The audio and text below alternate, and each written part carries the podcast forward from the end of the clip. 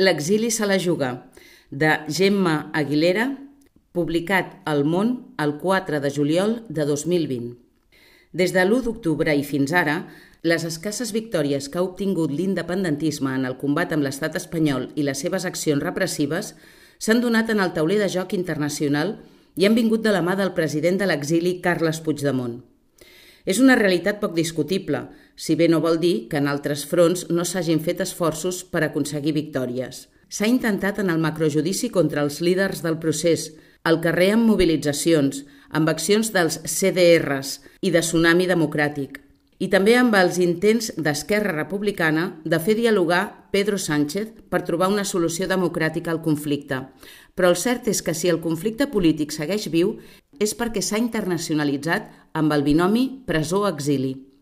En l'Europa judicial i en l'opinió pública internacional, el cas català roman actiu, i també en l'Europa política, perquè encara que insisteixi a relegar-lo a un afer intern, no se'n pot desfer.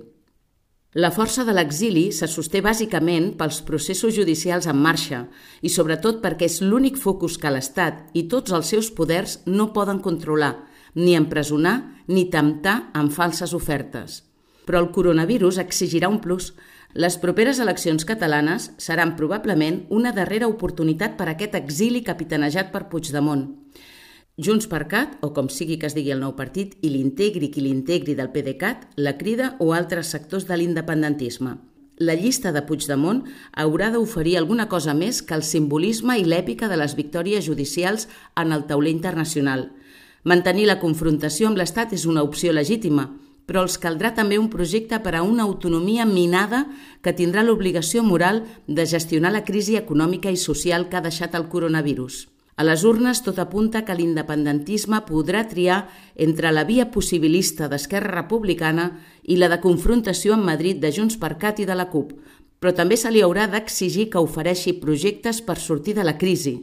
El virus, encara que Madrid pensi que sí, no entén de banderes.